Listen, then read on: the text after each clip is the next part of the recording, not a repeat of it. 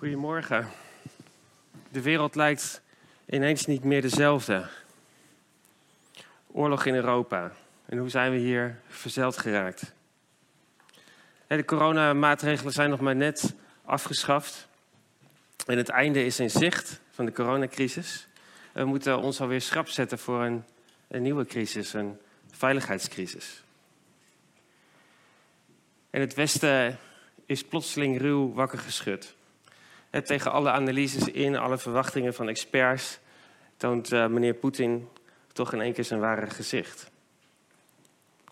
Een zelfgerichte agressor, gevangen in een eigen ideologie, die alle internationale afspraken um, en alle ja, afspraken die veiligheid moeten garanderen, eenzijdig aan zijn laars loopt. En papa, komt er nu een derde wereldoorlog? Moet Aaron nu in dienst?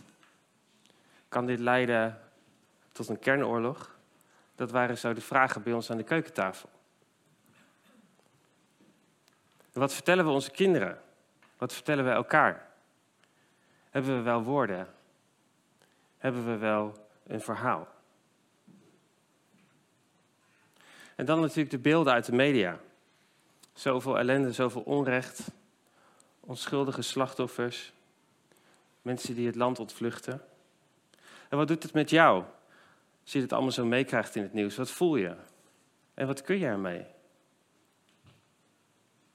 En hoe brengen we dit allemaal in gesprek met God? Nou, ik heb de laatste dagen verschillende van jullie gesproken en ik heb ook gewoon die vraag gesteld van, wat doet het met je? Even een greep uit de reacties. Verdrietig, beangstigend, zorgelijk, onrechtvaardig, dreigend, onbegrijpelijk, onzeker, onvoorstelbaar, onwerkelijk. En het lijkt, er, lijkt erop alsof we iets verloren hebben deze week. Wat is Europa kwijtgeraakt? Hoe moeten we deze tijd duiden? En hoe kunnen we ons tot die nieuwe werkelijkheid verhouden? Nou, vandaag wil ik een aantal gedachten met jullie delen. Ik wil een aantal vragen stellen, dat heb ik al gedaan. Nou, hoe wil ik dat doen? Allereerst op zoek naar wat gezond denken. En we gaan ook kijken naar mooie, moedige mensen die God juist nu zoeken. Mensen die God zoeken in hun benauwdheid. En we gaan de Bijbel open doen op zoek naar levensadem in tijden van benauwdheid. Nou, de titel van deze preek heb ik dan ook genoemd: Focus op je ademhaling. Het belang van geestelijk ademhalen in de benauwde tijd. Dit soort historische gebeurtenissen dat zijn vaak veranderingen met blijvende gevolgen. denk bijvoorbeeld aan 9-11. Het was op een bepaalde manier een defining moment. En ik weet niet hoe jij dat nu beleeft en wat het bij jou oproept, maar ik denk dat dit ook zo'n defining moment is. ons gevoel van veiligheid en vrede op ons continent is van de week abrupt verstoord. En het is de vraag of dat maar op korte termijn weer terugkeert. En de aannames over hoe we dachten dat het zat, die blijken niet te kloppen.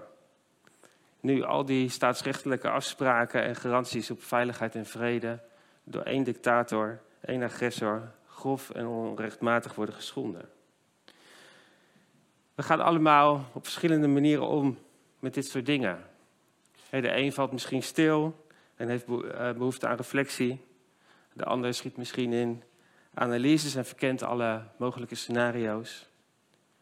Een volgende klampt zich misschien vast aan het oude bekende en probeert het nieuwe en het veranderende juist buiten te houden. Maar hoe het ook zij, ergens zijn dit soort dingen ook weer van alle tijden.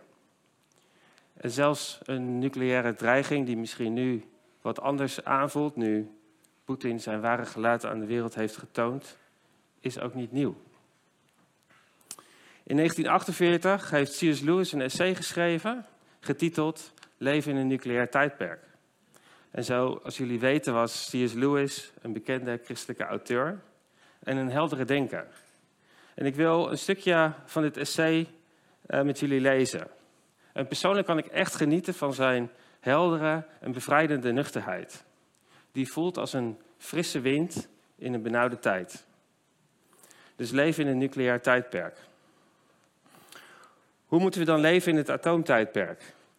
Ik ben geneigd te antwoorden met waarom is dat een ding?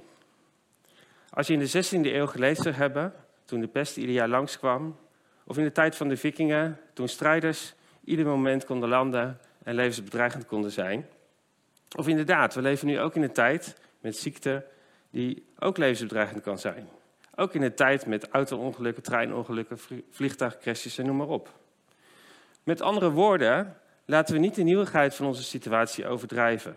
Geloof me, beste meneer of mevrouw, jij en iedereen van wie je houdt waren al tot de dood veroordeeld voordat de atoombom uitgevonden was. Een vrij hoog percentage van ons komt sowieso te overlijden op een onaangename manier. We hadden inderdaad een voordeel op onze voorouders en dat is er nog steeds. Het is echt onzin om nu met langere gezichten te zitten omdat wetenschappers een extra mogelijkheid op een vroegtijdige pijnlijke dood hebben toegevoegd aan een wereld die al vol zat met dergelijke kansen. En waar de dood in zichzelf nooit een kans is geweest, maar een zekerheidje. Het eerste punt dat ik wil maken en het eerste wat we moeten doen, is onszelf bij elkaar pakken. Onszelf bij elkaar rapen. Als we allemaal vernietigd zouden worden door een atoombom, laat de bom ons dan vinden in het doen van zinnige en menselijke dingen. Zoals bidden, werken, onderwijzen, lezen, luisteren naar muziek, de kinderen in bad doen, tennis spelen, kletsen met vrienden, een biertje drinken, een potje darts. En niet samengescholen als een stel bange schapen denkend aan bommen. Die mogen dan misschien ons lichaam kapot maken, maar ze hoeven niet ons denken te domineren. Aldus C.S. Lewis. Dus laten we ook wij in deze tijd ons bij elkaar rapen en ons denken niet laten domineren door angst. Als je dit heldere denken van C.S. Lewis zo even tot je neemt, dan valt er al een beetje een last van je schouders af, nietwaar? Gezond en helder denken brengt ons dichter bij de waarheid over onze werkelijkheid en bevrijdt ons van de terreur van angst en schrik die ons de adem probeert te ontnemen. En Jezus zei, de waarheid zal je bevrijden. Nou, ik noemde al dat we even zouden kijken naar een aantal mooie, moedige mensen in benauwde omstandigheden. Nou, allereerst wil ik um, met jullie kijken naar de president van Oekraïne, Zelensky. Wat een moedige man is dat. Er staat een grote prijs op zijn hoofd en zijn gezin. Hij staat op nummer, nummer 1 op Poetins uh, lijst. En het aanbod van de Amerikanen om hem een escape naar het buitenland te geven, heeft hij resoluut afgeslagen. Hij heeft gezegd: Ik hoef geen escape, geef mij wapens. Dat was zijn antwoord. Indrukwekkend hoe hij blijft staan voor zijn land en uh, de bevolking oproept zich te verdedigen tegen Poetins agressie.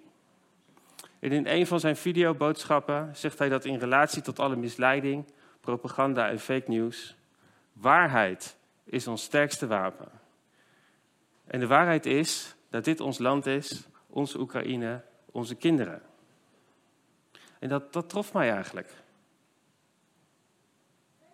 Mag waarheid Oekraïne vrijmaken en haar volk recht doen. Als dit allemaal zo gebeurt en we weten niet wat we moeten denken, hoe we dit een plekje moeten geven.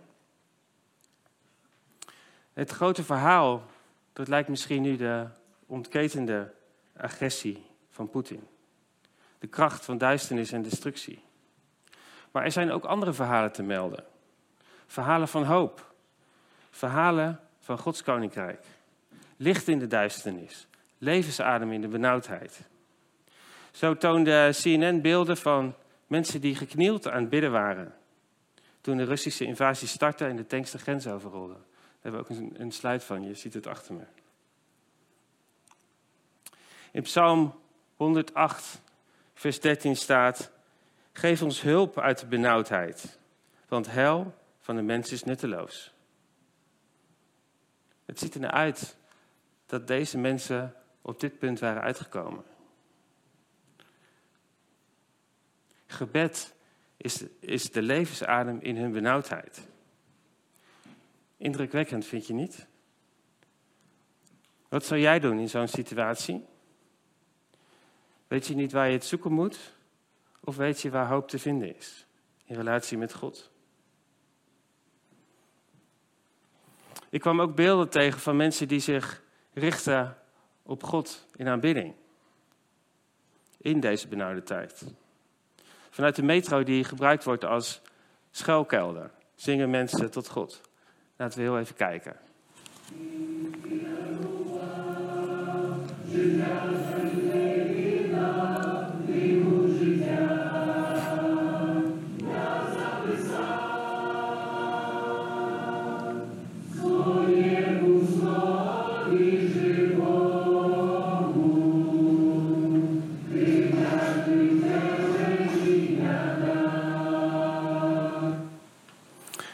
Roep mij aan de dagen der benauwdheid. Ik zal u redden. En gij zult mij eren. Wie lof offert, eert mij en baant de weg. Dat ik hem Gods heil doe zien. Dat is wat ze zongen. Nogmaals, wat zou jij doen in zo'n situatie? Weet je waar je het niet zoeken moet? Of weet je waar hoop te vinden is in relatie met God? Dan het verhaal van pastor Ostrii. Hij uh, ziet de kerk vooral als een plaats van geestelijke strijd. Terwijl de strijd blijft toenemen, organiseert onze kerk een week van vasten en gebed. We komen elke avond samen om tot God te bidden. Omdat de lichten in onze stad drie dagen op rij uitstonden, waren we in het donker aan het bidden voor vrede. Die momenten zorgden voor een innerlijke drive om door te zetten, om vol te houden. We kregen vrede en vertrouwen in ons hart. Juist door die gezamenlijke gebeden. We geloven dat God met ons zit, is. Dat is het belangrijkste, zei hij. En ook vertelt, vertelt pastor Ostri dat uh, in zijn kerk onlangs EHBO-trainingen gegeven zijn. De, de mensen zullen geen dokter worden, maar zo kunnen ze wel voor hun buren zorgen.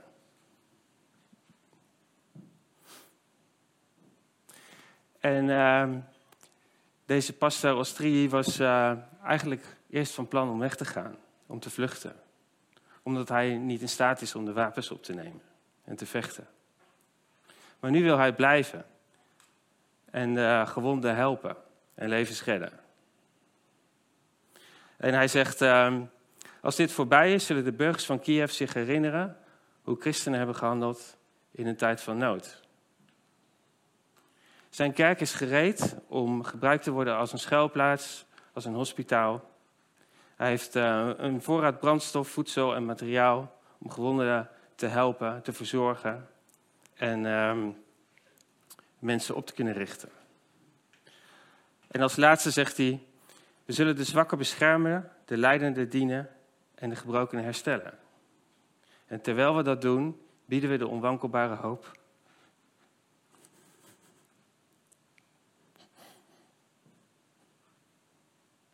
van Christus en zijn evangelie. En dat raakt me. Wat doet het met jou? Wat hebben al die verhalen gemeen? En het is dat deze mensen in hun benauwdheid levensadem hebben gevonden. In relatie met God. En dat vinden we ook zo terug in de Bijbel.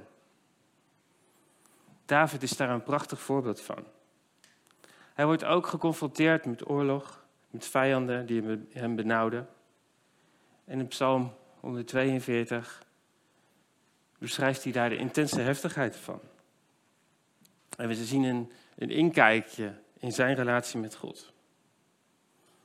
Psalm 142, vers 1 tot 3. Met mijn stem roep ik tot de Heer. Met mijn stem smeek ik de Heer.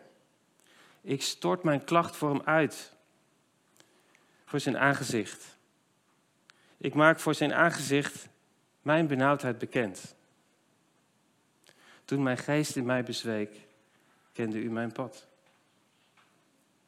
Kunnen wij ook zo omgaan met God in onze benauwdheden? de Bijbel is super reëel. En we hoeven ons denken niet altijd op orde te hebben. In een tijd van benauwdheid. We hoeven niet um, eerst alles op een rijtje te hebben voordat we naar God mogen komen. Er gebeuren nu eenmaal dingen waar ons denken nog niet klaar voor is. Ook dan mogen we bij Hem komen en ons hart uitstorten. Het klagen mag. Zoeken is vanzelfsprekend. Roepen hoort er helemaal bij. En worstelen is onontkoombaar. Schreeuwen is niet ongepast. Hoe echt ben jij in je relatie met God? We mogen echt bij Hem komen in onze benauwdheid, zoals we zijn, met alles wat we voelen, alles wat we denken. Alles wat in ons hart is. Ook nu. Nu al deze dingen gebeuren en het ons ook raakt. En ook de machteloosheid, we kunnen zo weinig doen. Wat is ons gebed in deze situatie? Wat is onze schreeuw naar het hart van de Vader? Ik wil jullie nu een filmpje laten zien dat ook gaat over benauwdheid. We maken het even wat luchtiger nu. Het is een fragment van het televisieprogramma Kamp van Koningsbrugge. Paulien die, uh, kwam daar mee. Nou, dat gaat over uh, ijzeren discipline en wilskracht die nodig zijn om een militaire training bij de Special Forces te doorstaan. En in dit programma gaan 15 gewone burgers die loodzware training aan. Dus laten we heel even kijken. Trappelen, pak dat ding zonder de kant aan te raken, hou hem droog.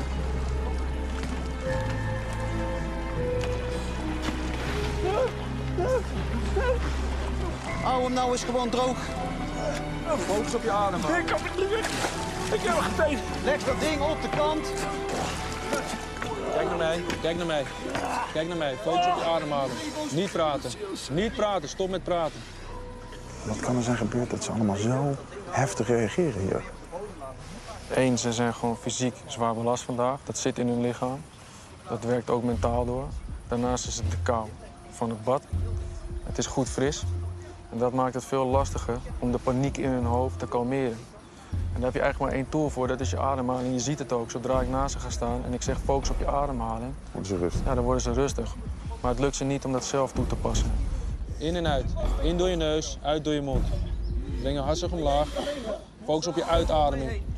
Sommigen ervaren nou ja, misschien bijna wat doodsangst, omdat ze hier, ja, je hebt het gezien, ze verdrinken bijna. Ze Tom bijna ondergaan. Ja, en dan moet je je rust bewaren. En de enige manier waarop je dat doet is te focussen op je ademhaling. Want dat is het enige wat je op dat moment hebt.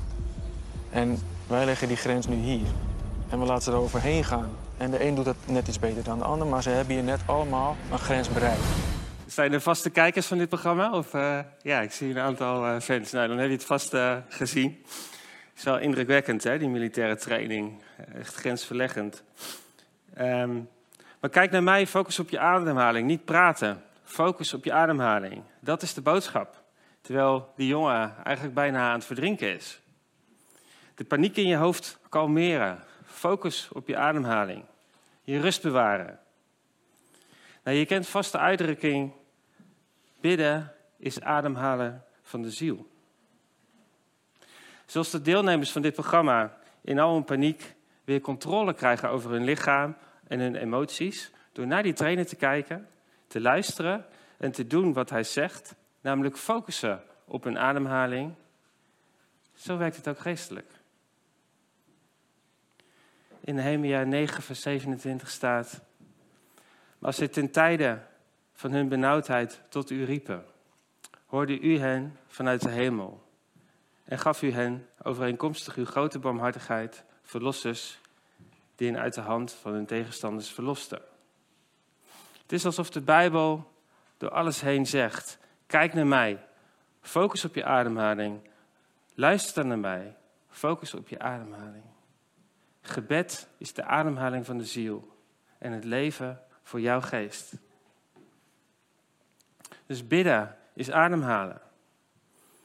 Nou, ons lichaam, de ademhaling, gaat normaal gesproken uh, gewoon vanzelf. Hè? Je moet eigenlijk meer moeite doen om, te, om het te stoppen dan uh, dat het, uh, ja, het gaat gewoon vanzelf. En die, dat is een natuurlijke beweging. En zuurstof komt onze longen binnen en uh, brengt leven.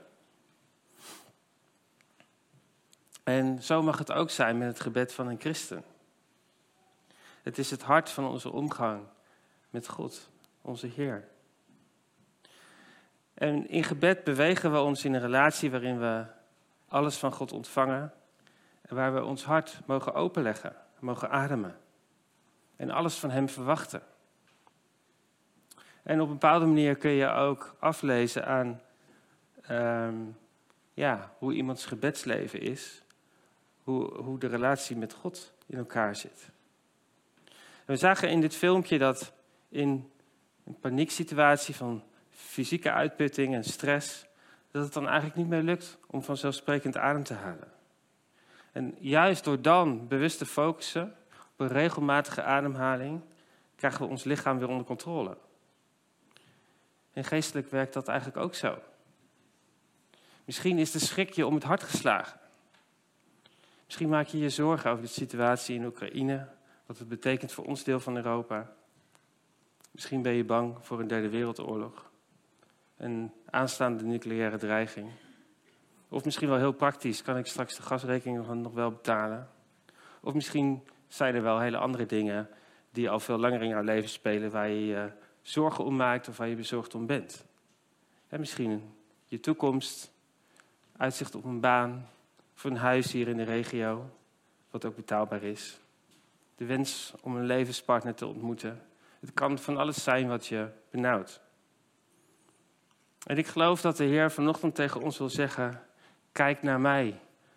Focus op je ademhaling. Luister naar mij. Gebed is de ademhaling van onze ziel en het leven voor jouw geest. Nou, hoe werkt het dan? Als jij gelooft, dan woont Gods geest in jou.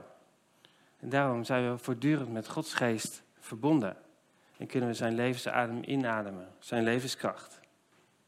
En Jezus, die blies over zijn discipelen. En hij zei, ontvang mijn geest. En het woord dat daar gebruikt wordt, is dat mooie, prachtige woord ruach. Wat wind, adem en geest betekent. En we mogen leren om onder alle omstandigheden, ook in onze benauwdheid, um, Gods geest in te ademen en Jezus uit te ademen. Zijn vitaliteit, zijn liefde, zijn kwaliteit van leven. En Jezus zei ook, jullie zullen kracht ontvangen en van mij getuigen. Nou, laten we nog heel even kijken naar het plaatje van de relaties van het ik, wat, uh, waar we al eerder naar gekeken hebben in uh, het kader van relatiegericht discipelschap. Even terug naar het verhaal van pastor Ostrii. Hij had het nodig om stil te staan bij wat hij voelde in zijn binnenwereld. Angst, willen vluchten. Maar wat deed hij? Hij koos ervoor om met anderen geestelijk adem te halen door gebed. Gods liefde, vrede en waarheid, die, uh, die kwamen. En dat inspireerde hem om andere keuzes te maken. Om te blijven, om te dienen. Hij ontving een nieuwe visie en een vorm om het evangelie relevant te maken in een tijd van oorlog.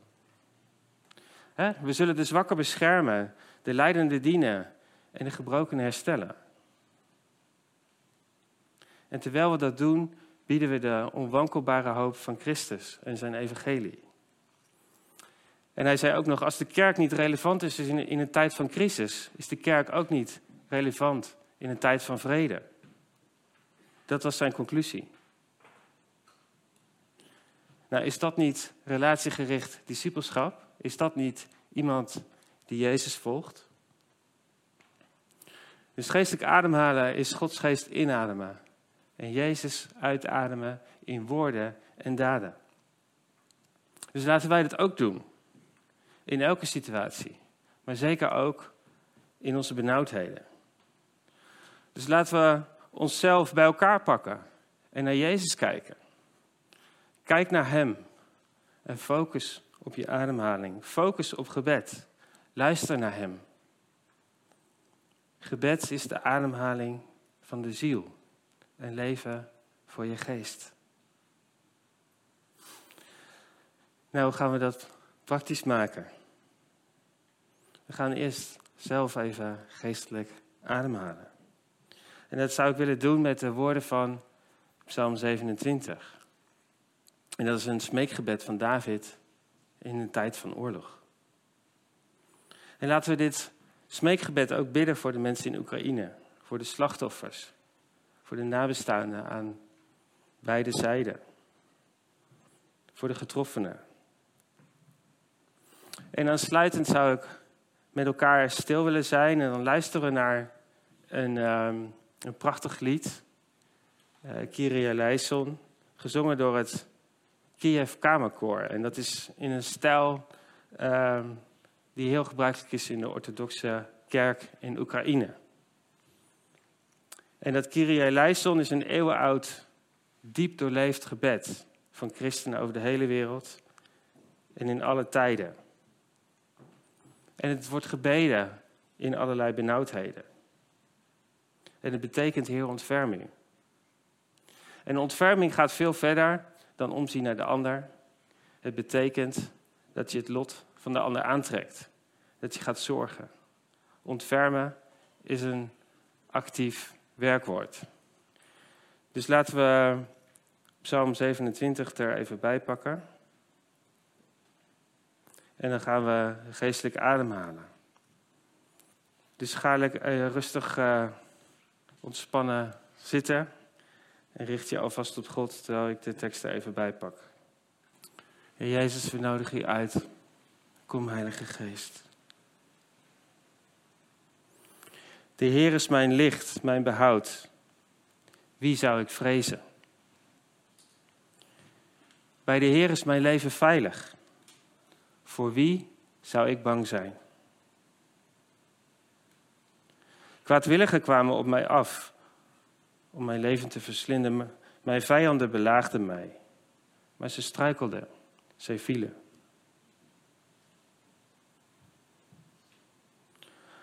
Al trok een leger tegen mij op, mijn hart zou onbevreesd zijn.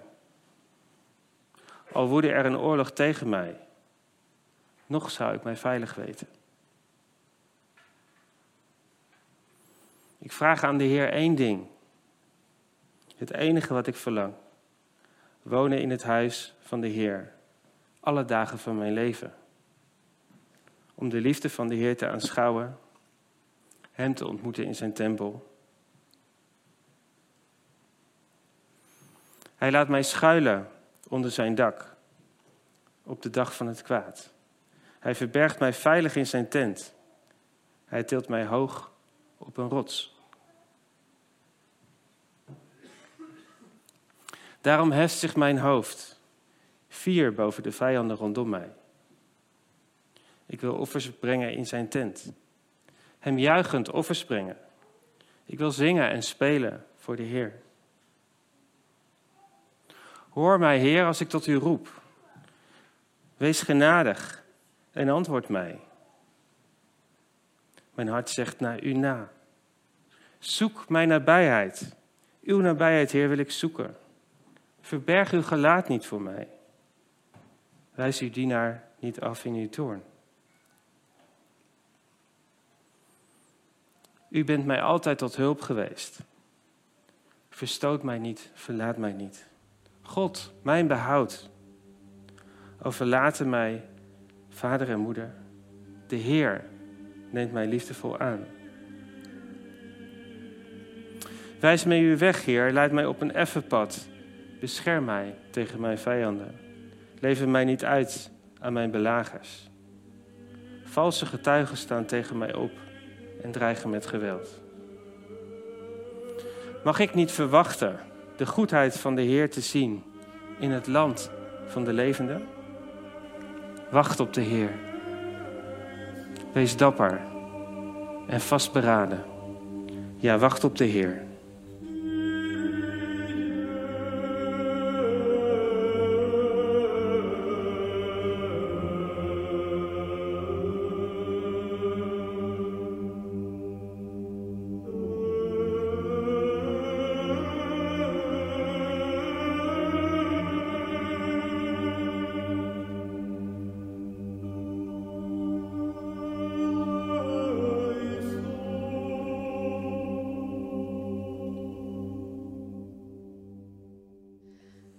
God, koning van alle landen, God van vrede en gerechtigheid.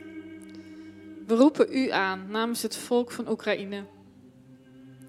En we bidden u voor vrede en dat de wapens neergelegd zullen worden. We bidden voor hen die bang zijn voor wat gaat komen en voor de mensen die op de vlucht zijn. Heilige Geest, kom hen tegemoet. We vragen u om de kwetsbaren te beschermen uit de handen van hun vijanden, zodat ze zonder angst mogen leven in uw nabijheid. Heer, ontferm u. Heer Jezus, vrede vorst. We bidden dat u het verhaal wat zich ontvouwt, omkeert. En we bidden u voor onze tijd een ander verhaal te schrijven. Dwarsboom de plannen van slechte mensen. We bidden voor degenen die macht hebben over oorlog en vrede. We bidden u om wijsheid, scherp zicht en compassie.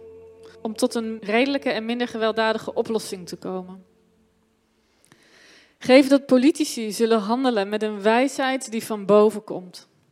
En die zuiver, vredelievend, mild, meegaand en rijk aan ontferming is.